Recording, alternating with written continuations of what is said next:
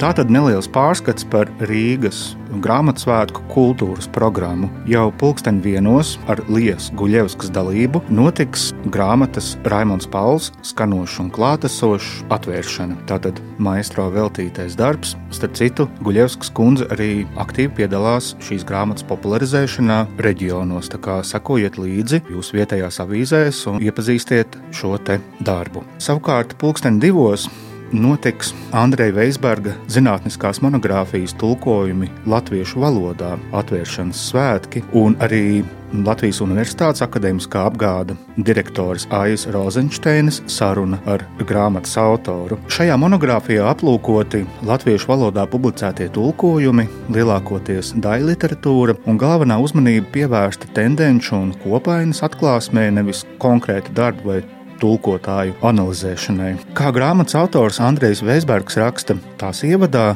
latviešu nacionālā identitāte ir veidojusies arī tulkojuma iespējā, proti, Bībeles tulkojums kā nopietnas rakstu valodas sākums, Jūra Alunāna dziesmiņas kā pirmās atmodas sākums, Rāņa Fausta tulkojums kā modernās latviešu valodas sākums un latviešu kultūras kanonā goda vietā ir arī Mīlenbacha Enzelīna vārnīca, kas ir primāri tulkojoša vārnīca. Tātad šīs monogrāfijas atklāšana šodien pulksten divos. Savukārt pulksten sešos Gunts Tālērs, Tukuma rakstnieku literārās apvienības dalībnieks, piedalīsies sarunā ar nosaukumu Rotaļas Stiksas dzelmē, balansējot uz robežas starp pārpasaulīgo un materiālo. Tēma ir par detektīvu romāniem un arī šausmu stāstiem, un šeit ilustrācijai piedāvāju manu sarunu ar Guntu Tālēru, kura norisinājās šī gada martā, un te viņš skaidro par saviem radošiem principiem ceru, ka lasītājiem būs interesanti. Tas ir mans galvenais vadmotīvs - rakstīt tā, lai būtu interesanti. Kā jūs samērojat uh, šo rakstīšanas procesu ar tiem pienākumiem, kuriem jums jāveic varbūt savā profesionālajā nu, vai maizes darba dzīvē?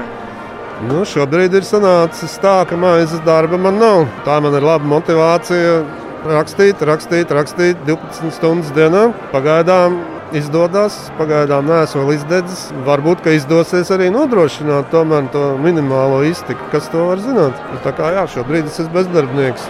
Tikai rakstu. Varbūt jūsu viedokli par to kriminālu žanru vispār šodien nu, ir, ir zināmi autori, bet vai ir nu, tāda kvalitātes līnija, kuru jūs varētu pats pateikt, kas jums ir tādi labi paraugi? Jāsaka, tie rakstnieki, kas šobrīd raksta kriminālu žanru, viņi ir un viņi ir diezgan daudz. Mūsu kolēģa Rolanda Bula, ko es arī labprāt nosauktu kā paraugu. Cilvēks ar pieredzi, ar pieredzi darbā policijā. Viņa zina, ko raksta. Tās nav fantāzijas, kā varbūt piemēram, man reizēm gadās. Un viņa nav vienīgā. Pēc viņas iniciatīvas ir dibināts tāds detektīvu žanra un krimināla žanra rakstnieku neformāla apvienība, un tur ir maldos, 23 dalībnieki.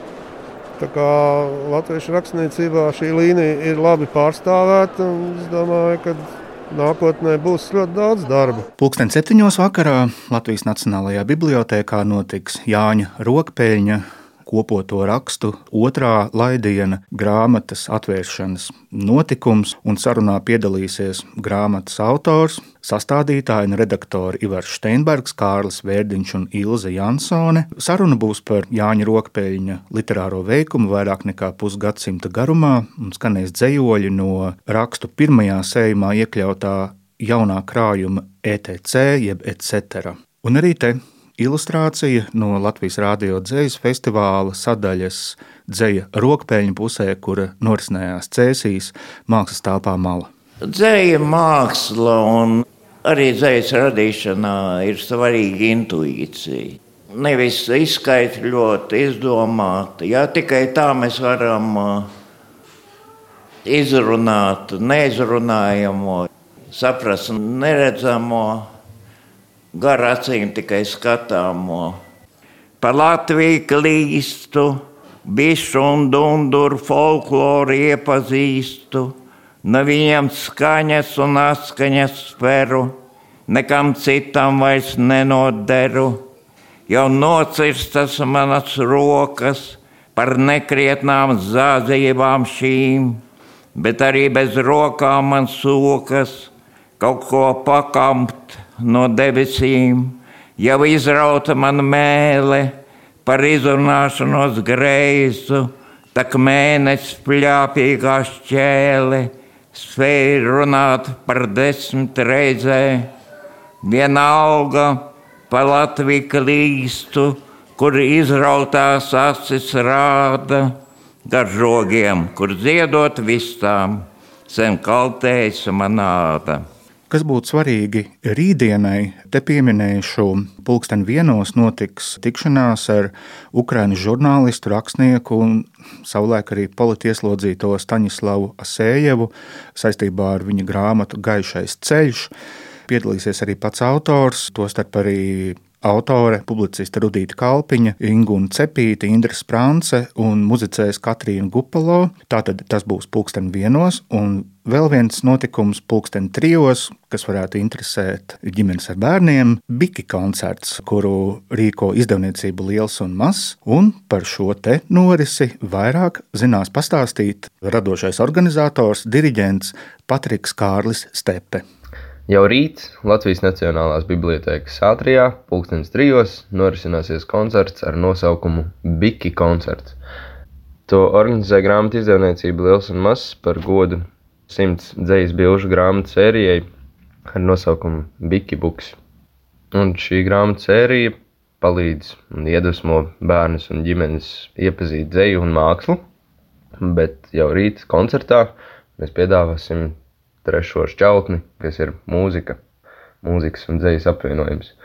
Un par godu šim pasākumam esam izveidojuši jaunu grupu, kur uh, apvienojoties pieciem mūziķiem, Mārtiņam Kokaram, Martai Elizabetei Smilgai, Agnesē Melnačai, Matīsim Pēterim Circenim, Patrikam Stepam. Mēs tad radīsim kaut ko, kas vēl šajā Bikibuku sērijā nu, nav vēl bijis tik atpazīstams.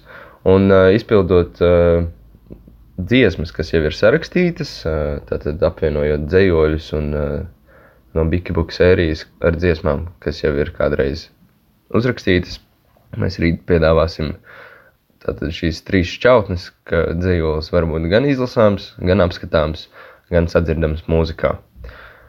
Un jāpiemina, ka Biki grupa piedāvās arī koncertu ar nosaukumu Biki dziesma skolas somas platformai. Aicinām uz koncertu. Tātad, ja nu nav nekādu citu plānu, lai visi ceļi ved uz Latvijas Nacionālo bibliotēku uz Rīgas grāmatu svētkiem 2022.